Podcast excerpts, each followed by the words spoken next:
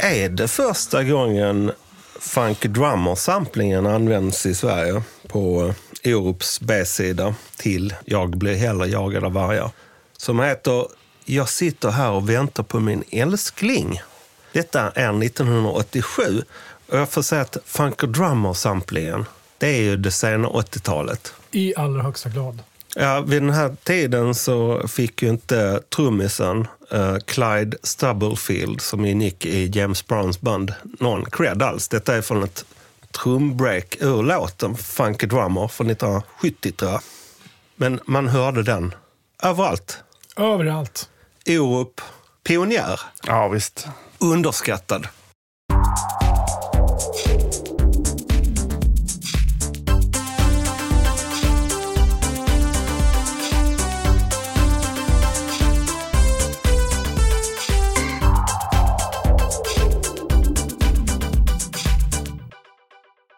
Ehm, yes, vi är igång. Vi kastar oss in i det svenska musikåret 1987. Och ja, vi behöver inte presentera oss så här några avsnitt in i serien. Tre gamla polare och musikdiggare i 50-rycket. En skåning, en östgöte och en västerbottning. Eh, den här podden är ju liksom en eh, spin-off av spellistor där vi fokuserar på ett år i taget inom svensk musikliv på 80-talet. 1987 så började jag gymnasiet, naturvetenskaplig linje.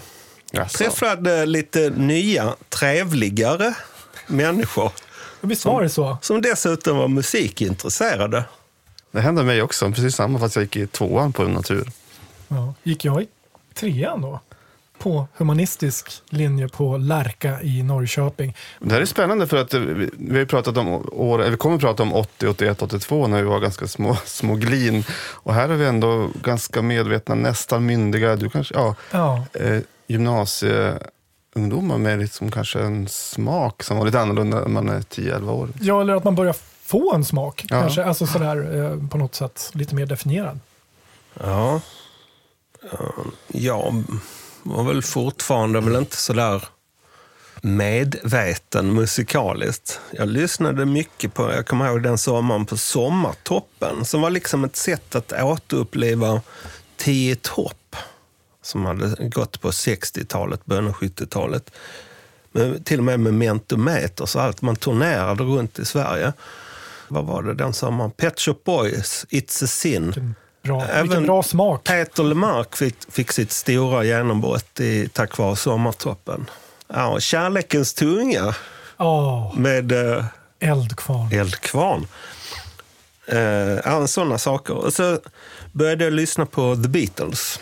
De firade 20 års jubileum efter Sgt. Pepper's Lonely Heart Club Band. Det är ingenting, 20 år. Det- var som igår. Och ändå känns det som att den skivan firas nästan varje år. Och så började jag åka eh, till folkparker och diskotek så här vid 16 års ålder. Till exempel till eh, Jägersbo, som var ett stort diskotek som låg mitt ute i ingenting mellan Hör och Hörby på Vischan. Och där såg jag Lili och Susie live. Vilken tur för dig. Ja, det var ju fantastiskt. Det var deras värsta spelning. Folk betedde sig, de var uppe och liksom monade och drog ner brallor. Ja, men usch. Skånsk ungdom. Hemsk. Eh, Men alltså, för det där är spännande. Var, vart var du Jonas 1987? För jag var ju fullfjädrad eh, depprockare. Joy Division och Sisters of Mercy. Nej, men jag, jag var ju ute i de tassemarkerna, men det var ju mycket New Order, mycket Beatles, mycket 60-tal. Jag började lyssna på Love, Grateful Dead där också i den svängen.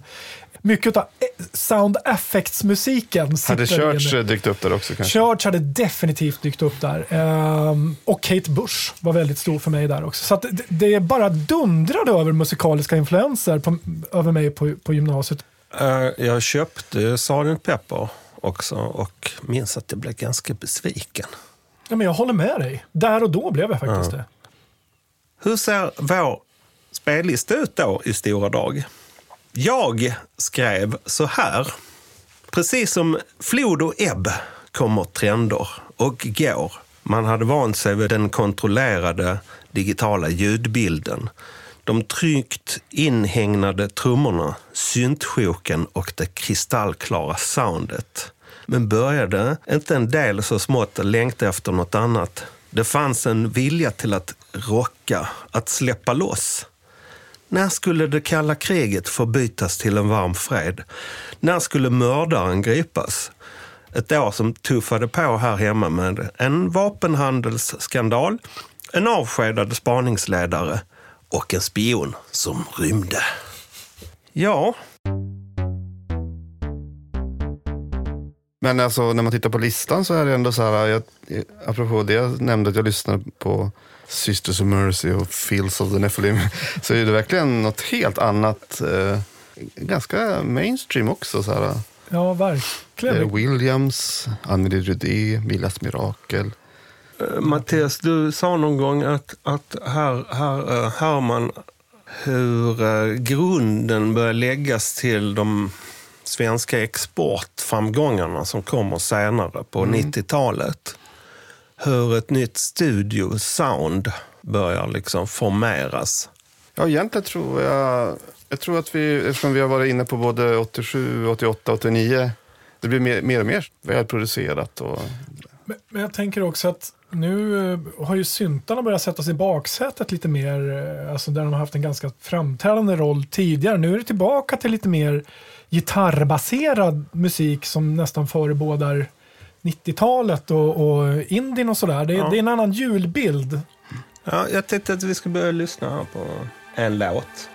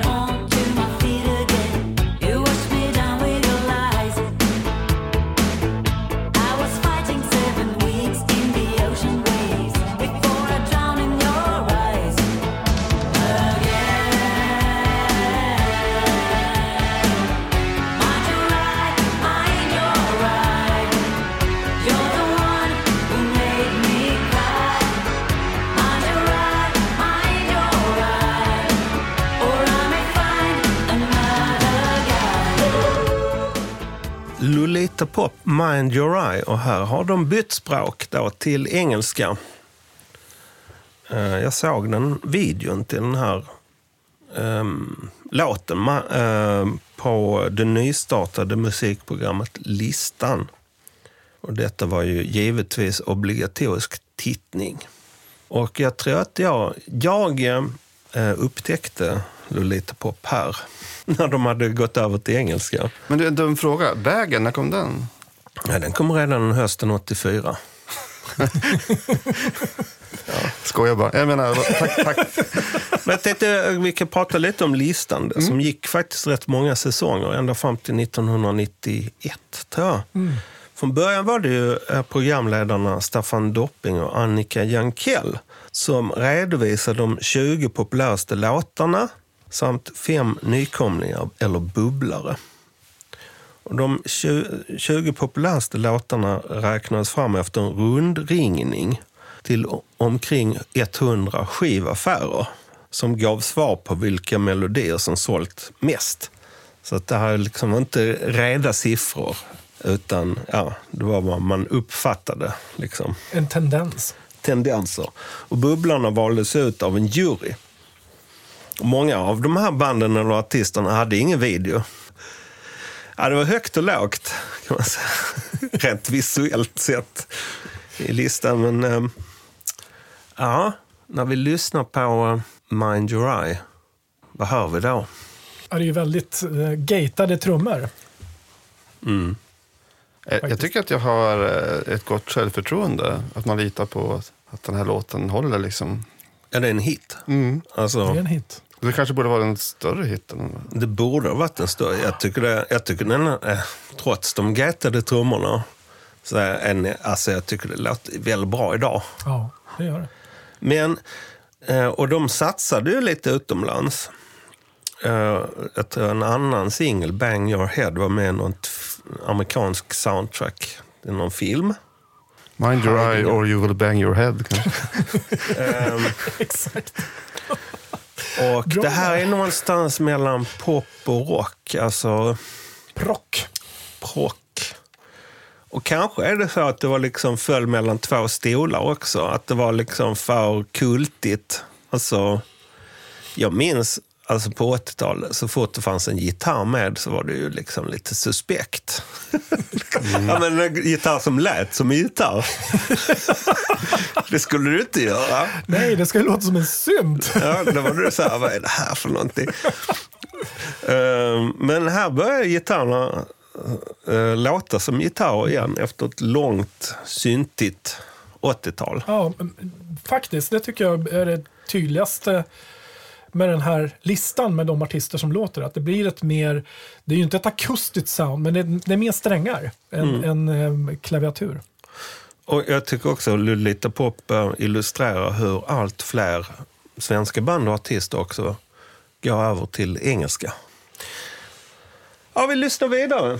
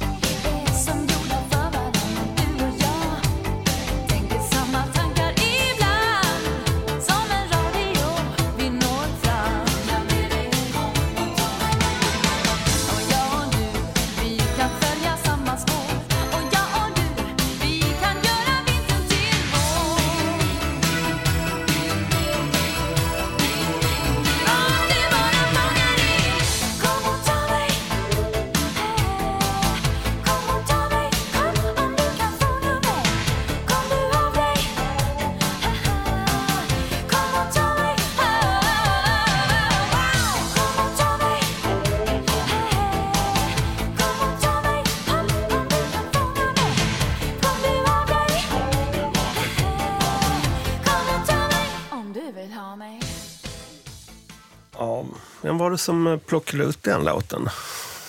Var det du, Mattias? Jag tror att det var du Mattias. Jaha. Ja, säg nu då.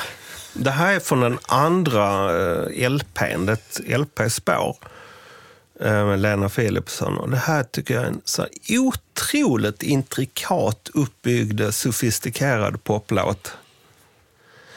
Och när jag letar fram låtskrivarna så står det att Lena Philipsson har gjort musiken och Per Gessle har gjort texten. Och när jag nystar vidare så upptäcker jag att hon har skrivit en hel del av sina egna låtar. Um, och om det har varit i samarbete med någon annan så har hon generellt sett stått för musiken. Och det är ju rätt typiskt att hennes roll som sångerska, liksom, alltså framtid, alltså och lite så här utseende och kläder och sexighet och allt det där överskuggar totalt hennes eh, roll som låtskrivare och musiker kan man säga.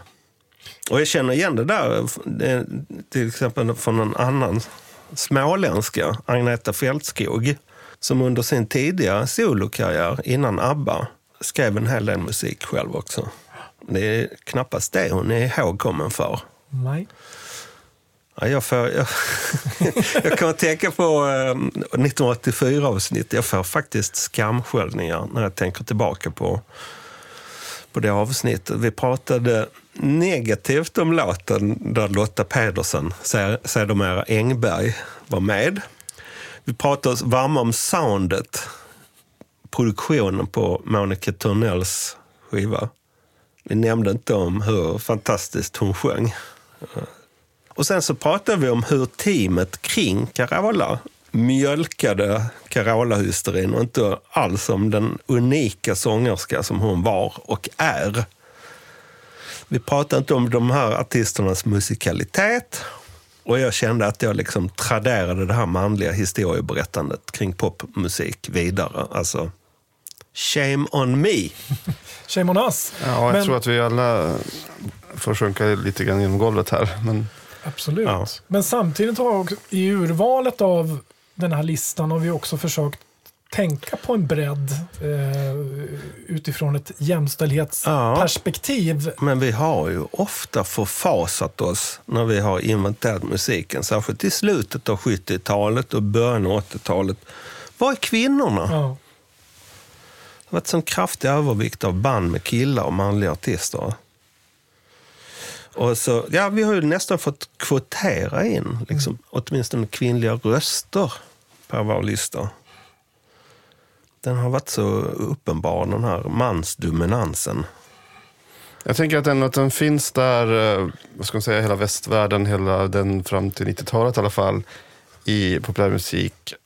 Och makthavare som till exempel producenter och skivbolagsdirektörer är män i väldigt stor utsträckning. Eh, det är ingen ursäkt för någonting, det är snarare att historieskrivningen kan... Jag, jag tänker lite grann på det du sa om att, Magnus, om att, vi, att man kan uppmärksamma låtskrivare. Jag, jag tänker att vi har fakta nu på ett annat sätt med så här, Ja. på, på nätet och så. Det kunde man inte kolla för. Nej, det var, man hade ingen helhets... Man kunde inte liksom kolla upp saker så lätt. Nej. Eller sätta in i en kontext. Och därför var det ingen som visste att det var Lena Philipsson som eh, skrev en hel del musik redan från andra plattan och framåt. En fantastisk låt. Jag håller med dig Magnus, att det här inte blev en större hit är ett mysterium för mig. Kom, Alltså, kom du av dig, heter den. fruktansvärt bra låt. Ja. Men den är, ja, men den är, den är väldigt... eh, ja, men den är hittig, men den är också väldigt raffinerad samtidigt. Eh, ja, väldigt lite kvinnliga instrumentalister. Uh, väldigt få har fått ge ut skivor med egenskriven musik. Vi har några få undantag. Vi har Eva Dahlgren. Vi har kanske Marie Bergman. Uh, Men eh, det är inte så många. Nu är det sagt. Nu är det sagt.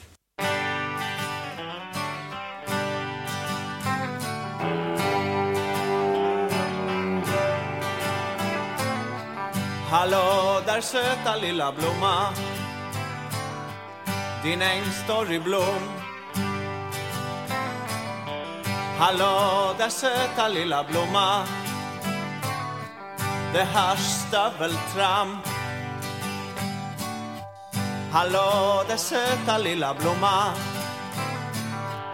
Förlamad du ler. Hallå där söta lilla blomma. Nu trampas du ner. Hallå, hallå där nere.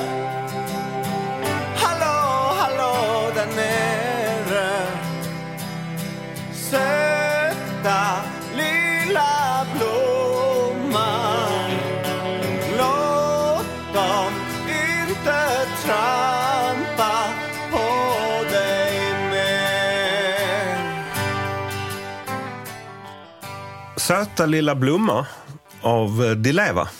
Ja, herregud. Det kändes som, som att Thomas Di Leva kom ifrån ingenstans och smällde igenom med eh, den här skivan. Vem, vem, ska, vem ska jag tro på? Heter den ju. Eh, som en frisk fläkt. Det var inte, ingenting som lät som det här eh, där och då. Helt unikt i uttryck. Sen kan man ju höra det Bowiska tycker jag i, i gitarr. Just i den här låten så har man lite Bowie. En anekdot. Jag spelade den här listan i, i helgen hemma då jag hade mina döttrar hos mig eh, och min eh, yngsta dotter började gapskratta när hon hörde den här texten och undrade vad, vad är det här för någonting. Men jag tycker det är lite, det är lite kul för att Thomas Di Leva vågade ju verkligen ta fram det naiva, nästan som Jonathan Richman på något sätt och sätta in det i ett större sammanhang.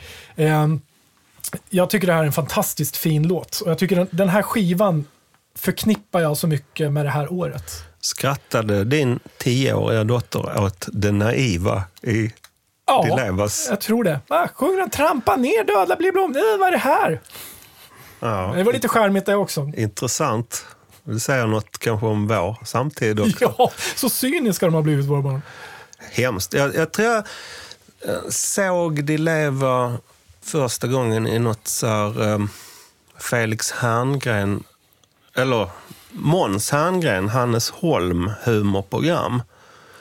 På den tiden när, när um, Di Leva fortfarande hade någon tejpad Lock. lock. Innan eh, det här, eh, jag kanske körde Snurra bakåt eller någon sån låt. 85-86. Och ja, han var ju lite ett ufo, kan man säga.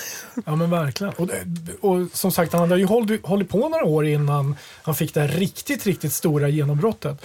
Men jag tycker det är, det är lite sunt att han också fick det, så att säga. Alltså det, det är ett, tiden var väl mogen helt enkelt. Han behövdes. Han, Ja. han, var, han var också någon slags artist som var mitt emellan det kultiga och eh, den stora publiken. Ja.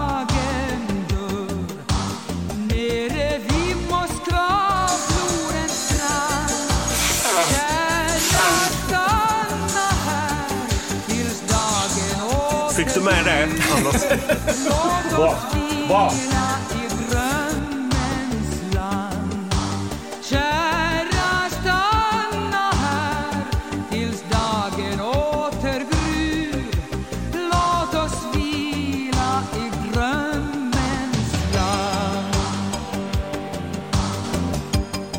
Arja Saijonmaa. Natt i Moskva.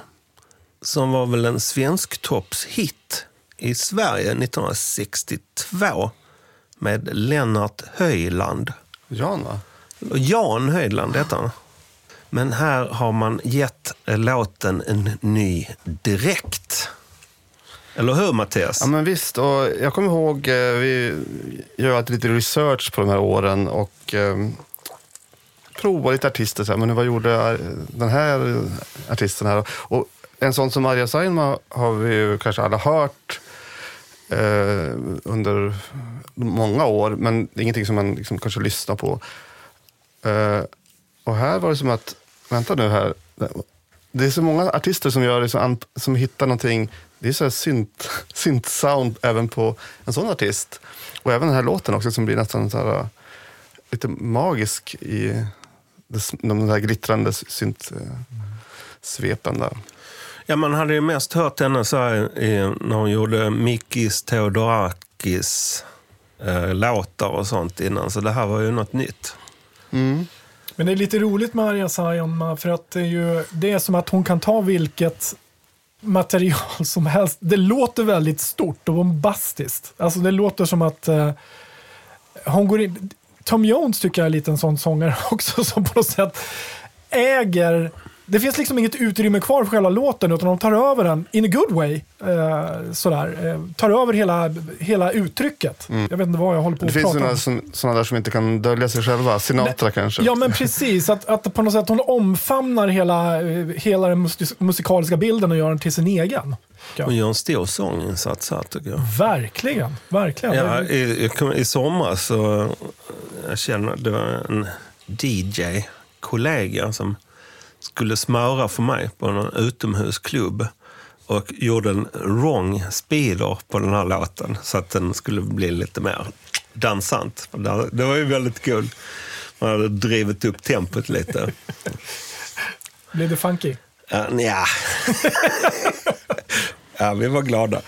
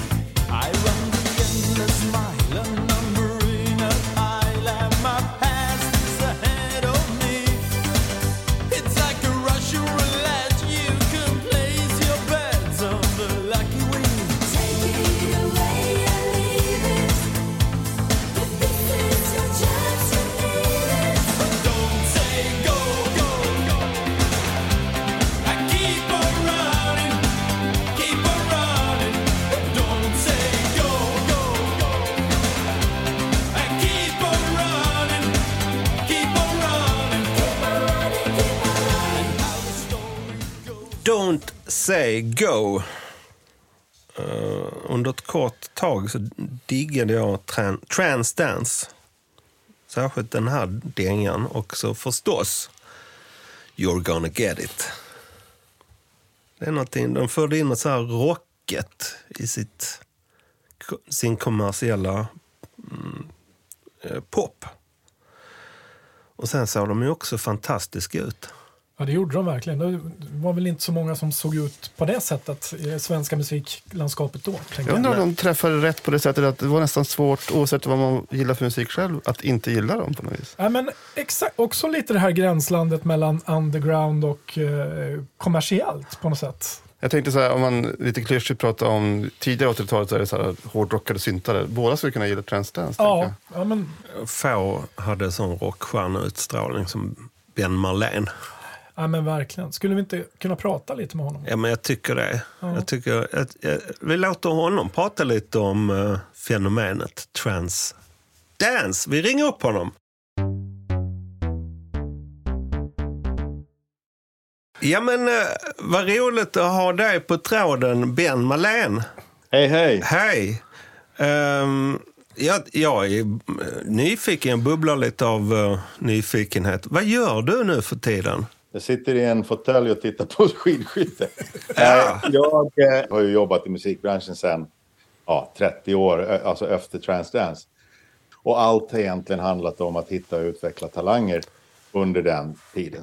Och det är väl det jag har varit bra på också, att hitta, vända på de där stenarna och hitta de som ingen annan riktigt har upptäckt. Så allt från Broder Daniel och Brainpool och The Sounds och Miriam Bryant och Ace Wilder och, och sen varit, varit väldigt inblandad i svensk musikexport. Jag råkade ha turen att när allt det här hände mot slutet av ni- 90-talet så satt jag med några låtskrivare som var väldigt duktiga och blev väldigt eftertraktade världen över. Och sen fortsatte det på det spåret. Så det är sånt jag håller på med. Men för eh, ett år sedan så bestämde jag att nu är jag klar med det där. Jaha. Eh, ja. Men Du- jo, ska jag bara säga vad jag gör Ja. nu? Ja. i sommar så har två kollegor och jag tagit hand om en folkpark i Orsa. Så vi, jag är folkparksdirektör. Jaha, Ja, det är roligt. det lät ju kul. Vad ska, ni, vad ska ni göra där då, så att säga?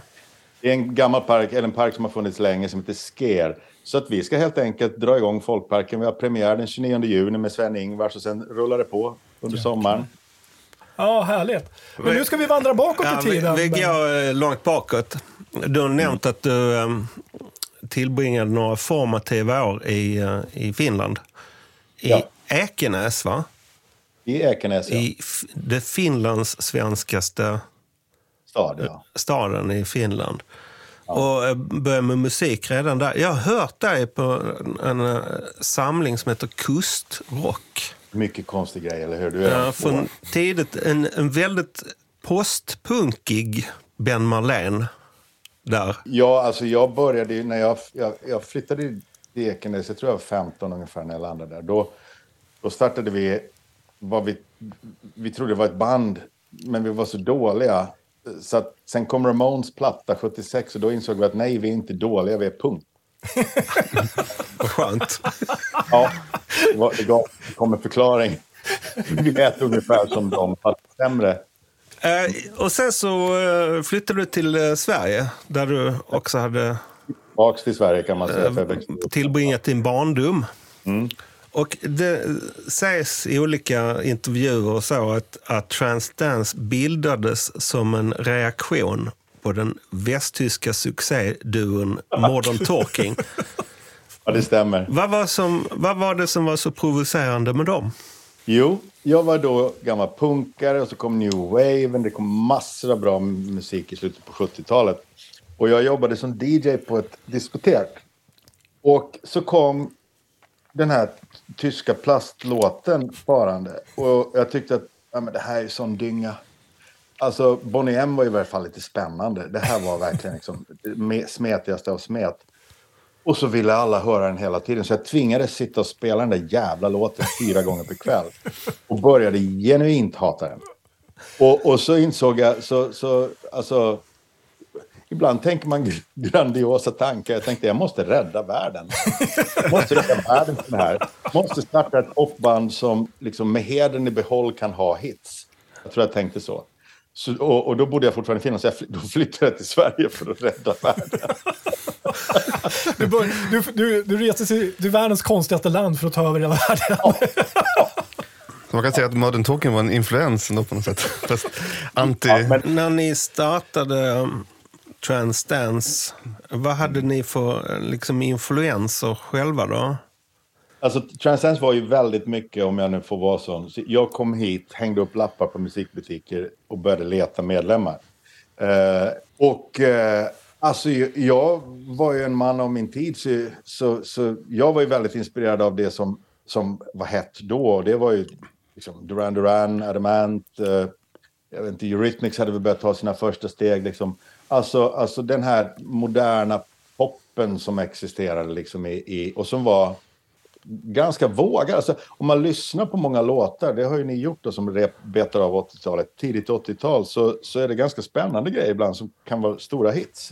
Inte lika konfirmativt som, det, som det är nu för tiden. Liksom, där det, Och, alltså, det håller jag verkligen med om. Så det är en jättestor anledning till varför vi fortfarande rotar i den änden, särskilt 80-talet, början av 80-talet när det var så himla brokigt och, och nytt. Det moderna var modernt, om man säger så. Ja, det var ju en teknisk revolution som inträffade då. Alltså jag brukar jämt när folk frågar om 80-talet, jag brukar beskriva att det, det som var så skönt med 80-talet, det fanns ingen god smak. Nej. Nej, men det är ju... Allt var tillåtet. Ja, men lite så. Det kom en ny, alltså, och det fanns, reglerna skrevs från dag till dag vad det gällde musik. Så här, för det, kom en, det var en teknisk utveckling på den elektroniska sidan som var helt sjuk då. Det kom, ena dagen så, så, så kunde du inte sampla mer än tre sekunder av någonting. Och så nästa vecka då kunde du sampla vokaler. Alltså det gick... Det var så hysteriskt snabb utveckling. Och det där ledde till att om man gjorde en platta så var det en teknisk förutsättning. Så gick man in två månader senare för att spela in en ny singel. Det var helt andra tekniska förutsättningar. Man kunde laja på på ett helt annat sätt. Ja.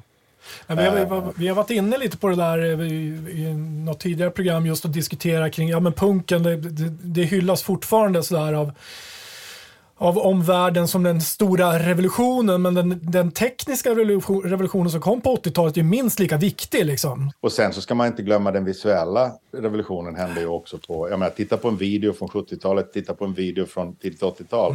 Det kom ju en visuell revolution i samband med, med, med vad heter det, semiprofessionella videokameror som dök upp som gjorde att det var enklare.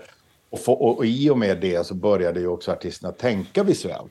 Jag tycker ni skiljer er från, från andra svenska band. Och dessutom ett jävligt bra liveband. Ja, tack. Jag såg Jo, er. jag- I, I Åhusparken sommaren 1988. Just det. För då gjorde ni en succéartad folkparksturné. Och eh, fick en autograf av Pelle Pop på armen, kommer jag ihåg. Jag raglade glad och nöjd därifrån. Vilket var det roligaste turnéminnet? Alltså det var vi... Det är så, det är så svårt att säga. Det, kan det vara 85 eller 86 gjorde vi en video till Do the Dance. Så vi fick ju en jättehit, i- danshit i USA. Det var vår första listplacering. I Sverige visste ingen vem vi var.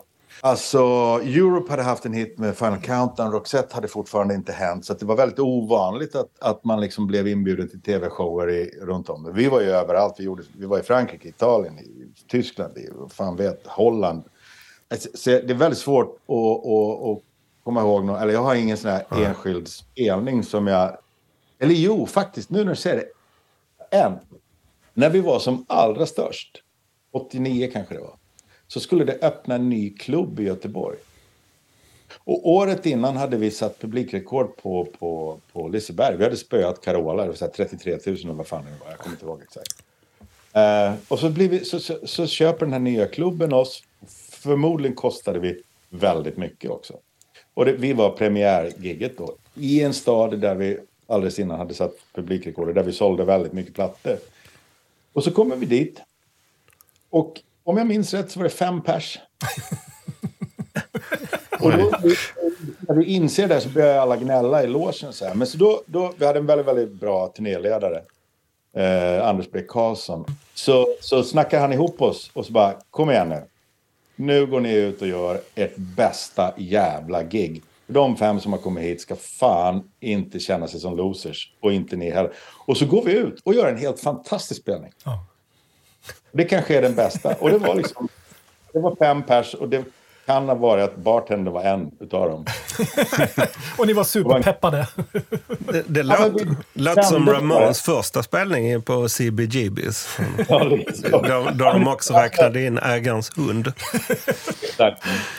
Eh, Jag tänkte fråga, eh, efter första plattan så förde ni in liksom mer rock'n'roll i er popmusik. Närmast ibland hårdrocksgitarrer. Och jag tyckte det var väldigt eh, tilltalande och, och det gjorde också er ganska unika i Sverige. Det fanns några andra band i England till exempel vid samma tid som gjorde något, Sigge Sigge Sputnik. och Transvision Vamp och Westworld. Men hur kom det sig att ni gick åt det här hållet? Liksom? Jag tror för det första att första plattan som vi gjorde var ganska ogenomtänkt egentligen. Så när vi gjorde den första plattan så var det liksom lite någon sån euforisk panik bara. Att, att, att nu får vi göra en platta. Så till, det var ju till andra plattan som både jag han började tänka lite mer och hela bandet liksom kom ihop sig. Vi hade ju spelat också. Det är ju en klassiker att när man är ute och turnerar mycket så blir man ofta rockigare. Så att, så att den andra plattan, den producerade vi också själv. Så den var liksom, och den jobbade vi på under, det var inte liksom nu ska vi vara två veckor i studion som det var första plattan, utan då hade vår keyboardist PI en egen studio, så vi pulade där liksom fram och tillbaka. Under säkert ett halvårs tid. Så det blev, det blev mer så, och då hade också, alltså den tekniska utvecklingen hade gått, vi hade massa, sa- vi använde samplers och PI hade allting nytt liksom. Så, här, så att, Vad heter det? Med all din um, arbetslivserfarenhet inom artist and repertoire. Varför skulle du säga att så många utlandssatsningar från Sverige, förutom Europe kanske, innan Roxette misslyckades? Därför att det var... Den enkla förklaringen, det var skitsvårt. För att du hade ju... Sverige var... Hela musikbranschen är för, för, det första uppbyggd rent kontraktuellt och juridiskt på det att USA och England levererar, det här är deras grej och vi andra säljer det de levererar.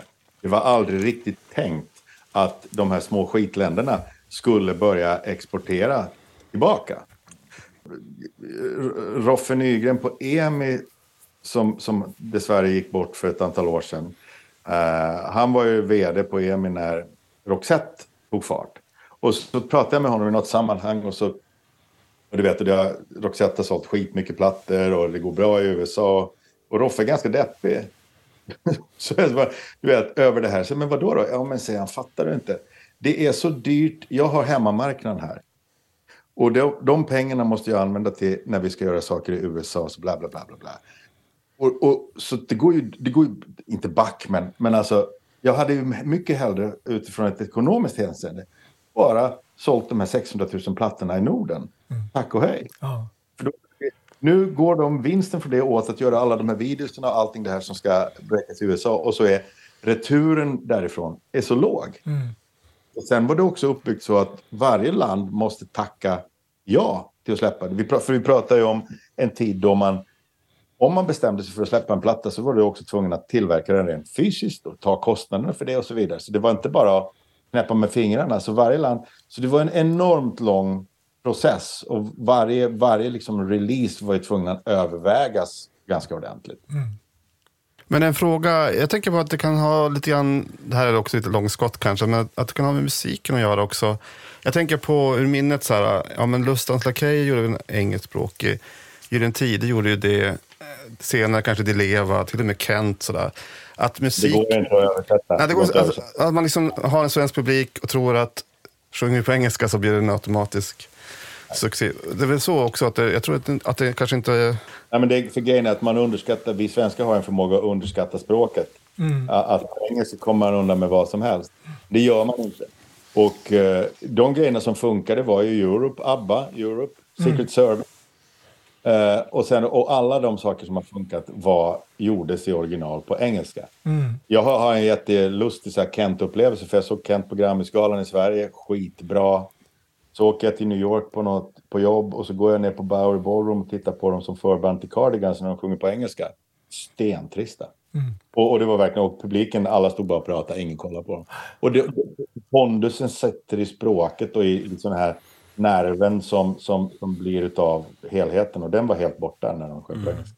Ja, jätteroligt och, och spännande att prata med dig, Ben.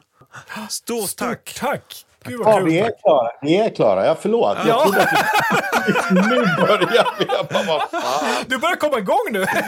Ja. Oh.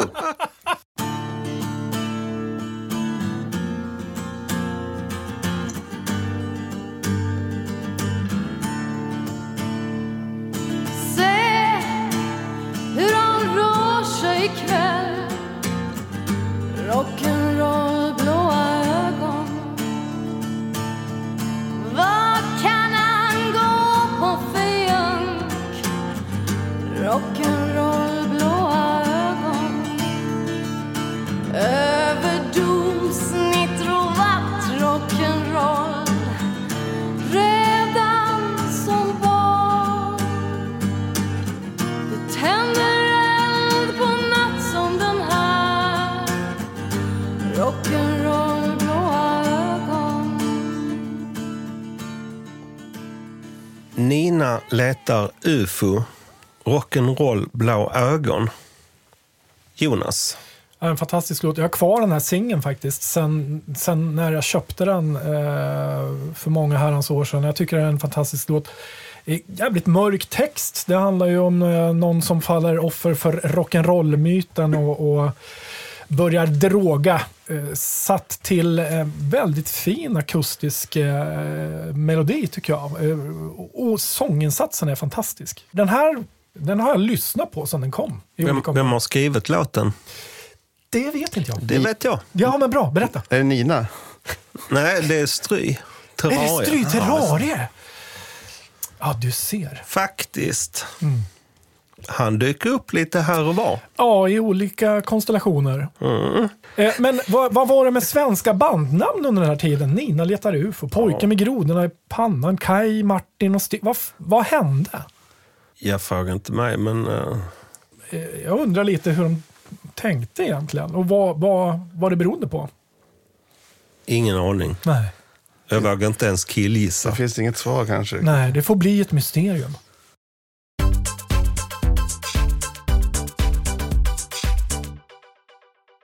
Vad hände då 1987? Jakten på Palmes mördare fortsätter. PKK-spåret. Hans Holmér fråntas uppgiften som spaningsledare. Ja, det var, det var en fars.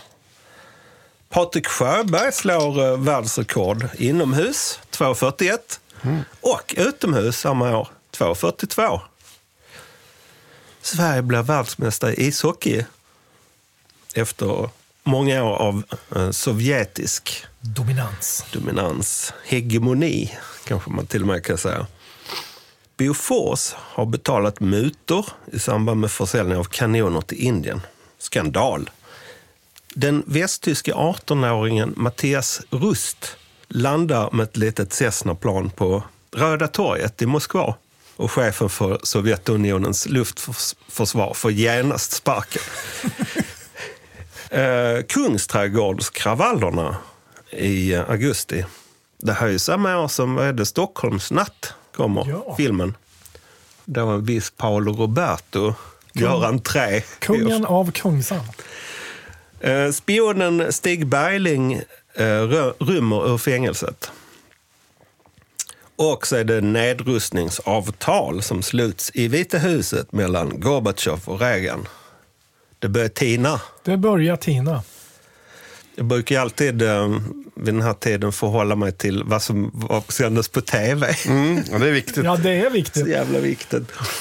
Krysch. Med två Z. Två Z. Det skulle vara mycket Z på 80-talet. Arne Hegerfors och Björn Skifs drar plumpa skämt och visar sketcher, eller? Ja.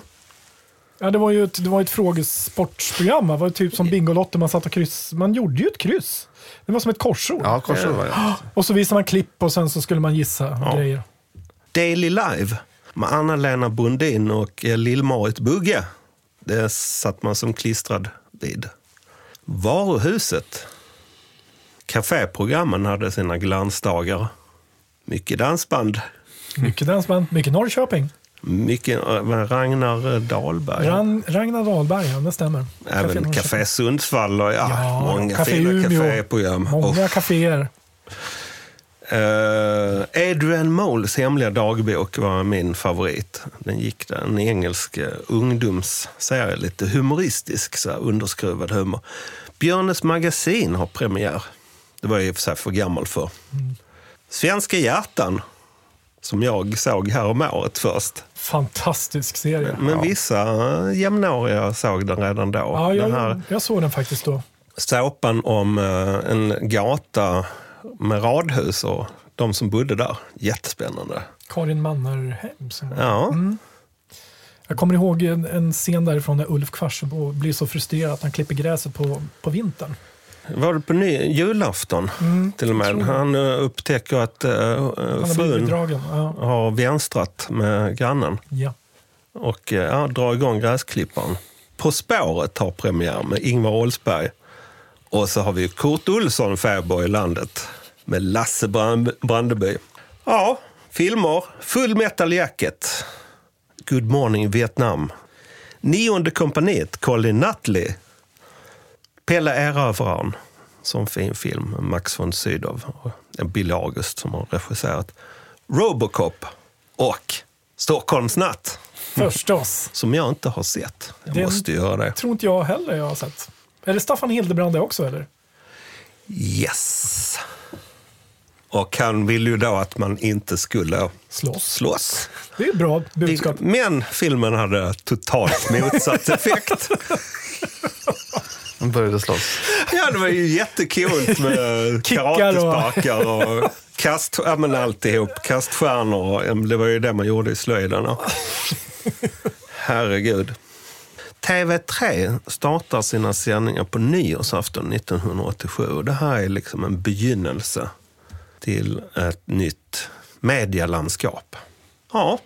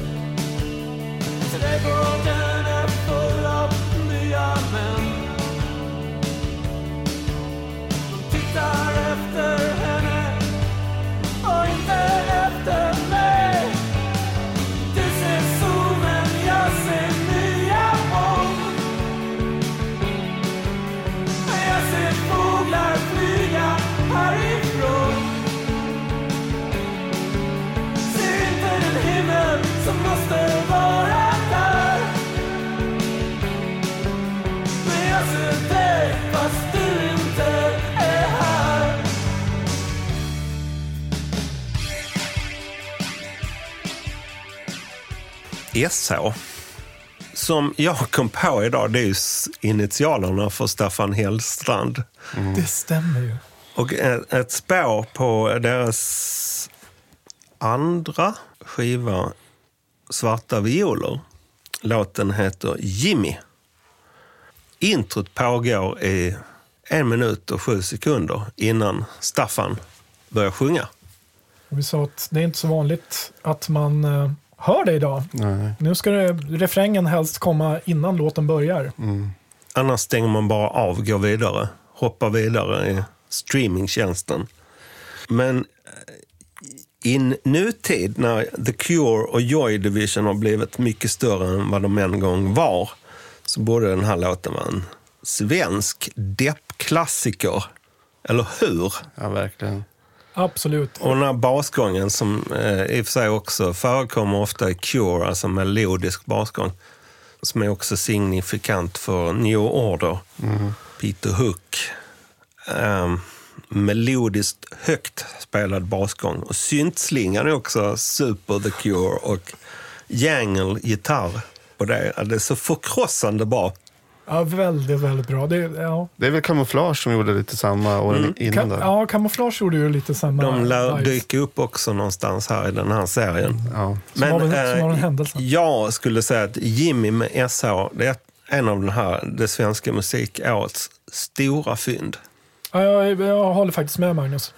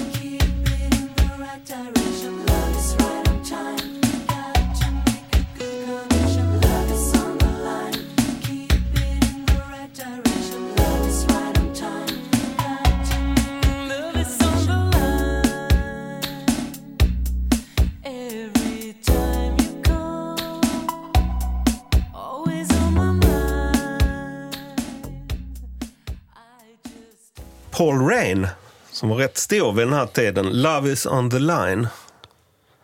Där var också en skräll. Ja, jag tänker att det är lite oväntat. Jag tänker så här, Paul Rain, och tänker jag ja, lättviktig i tal och sådär. Men den här, till exempel den här låten är väldigt så här cleant sound, soft, um, lågmäld och elegant och så här sofistikerad på ett sätt. Jag skulle nästan säga R&B.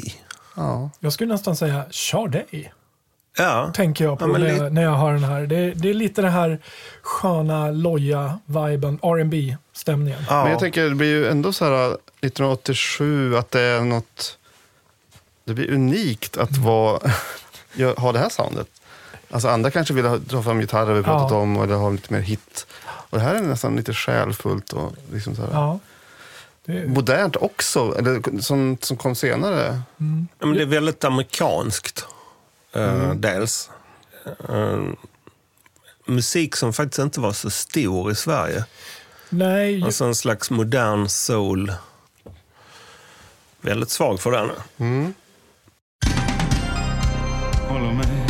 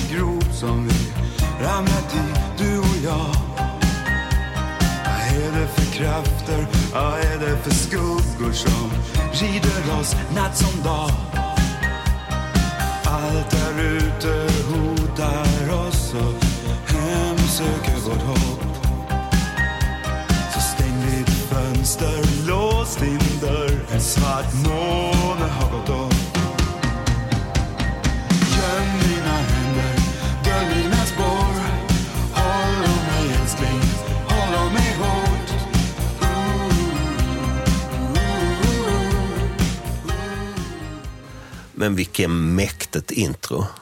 Alltså jag tror... Håll om mig med Peter LeMarc. Alltså, jag, här, jag, jag tänker att flera av de här låtarna från de här äh, åren, jag tror att jag bara hörde refrängerna. Och, och jag tror att jag, Peter LeMarc sa, ah, det här gillar jag inte, håll om mig. Jag hörde refrängen. Och nu när vi, när vi har, eh, eh, ja men, eh, när vi faktiskt närlyssnar och vi väljer ut låtar, så har jag hör, hörde liksom början där och versen och hur den byggs upp. Det är ju så här, dels det låter lite Depeche tycker jag.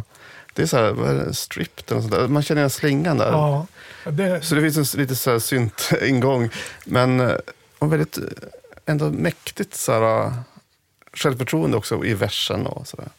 nej, helt klart. Jag älskar älskar den här låten. Jag älskar den till och med när den kom. Eller till och med, men jag älskar den redan när den kom.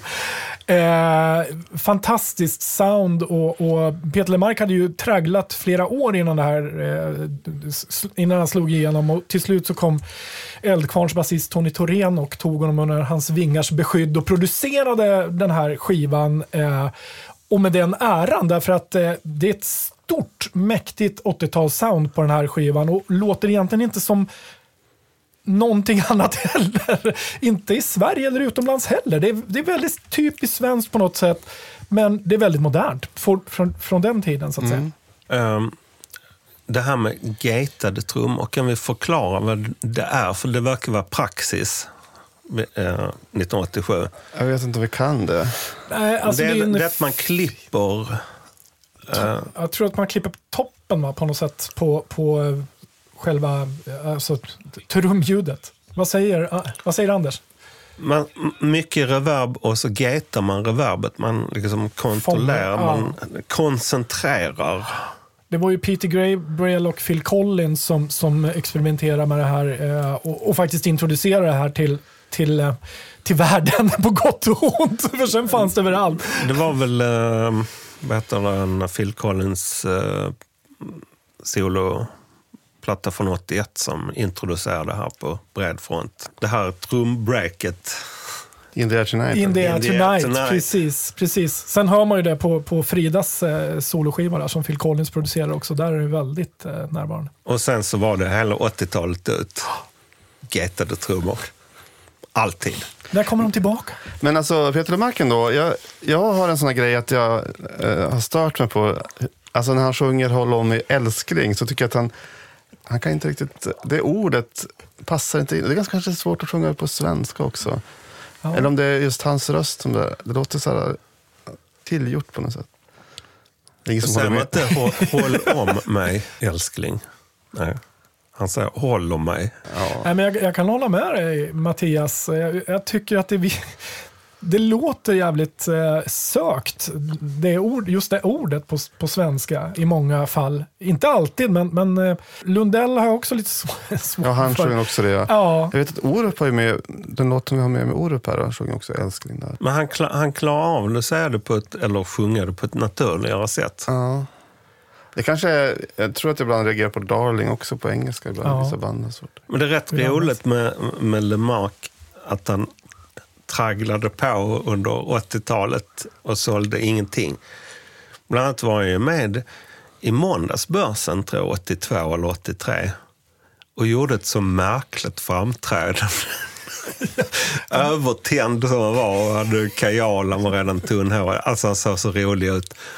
Och eh, sålde till och med mindre skivor efter det. ja.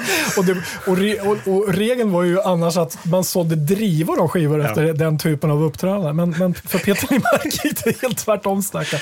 Men han fick ju revansch. Han, eh, jag älskar att lyssna på, han är ju också en eh, anekdot och historieberättare utav Guds nåde. Det är så fruktansvärt kul att höra intervjuer med honom. Ja, en otrolig självdistans också. Ja. Det är helt fantastiskt att lyssna på honom faktiskt. Musiknörd också va? Musiknörd, yes. Inget ont om det. Nej, det får vi hoppas. Annars får vi, får vi gå ut härifrån. Det känns som vid det här laget att när vi hade släppt spellistan att vi fick noll respons. Ingen brydde sig. Det var som Peter Lemark. Ja, ingen lyssnade. Vi, vi fick ännu... Ja, precis som Peter Lemark. Nej, jag vet inte. Sen var det kanske också så att eh, 87 var kanske inte ett år som man bryr sig om så mycket. Men har de lyssnat? Har de lyssnat? Men har Ja, de lyssnat? Ge en chans till. Lyssna. Skicka gärna alternativa låtlistor om ni orkar sätta ihop något sånt. Det behöver inte vara en och en halv timme. Och eh, rätta oss om vi har fel på grejer. Ställ frågor. Antingen gör vi det på det här gamla sättet, skicka ett e-mail. Det svenska musikaret at filt.com eller släng in en kommentar eh, på sociala medier där vi finns, det svenska musikaret. Facebook eller Instagram. Finns det någonting att tillägga? Innan vi stänger butiken. Ja, Jag är nöjd. Ja, 1987 kan vi nog säga var, är klart nu. Ja, ajöken. Ajöken. Hej, hej.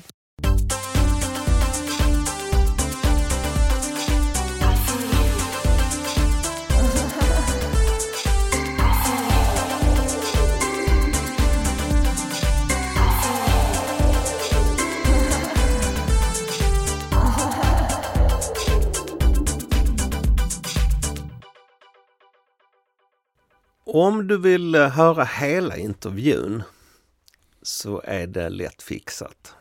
Du går in på patreon.com och så betalar en liten skitsumma så får du allt det där extra, det där göttiga extra materialet. Do it. Do it.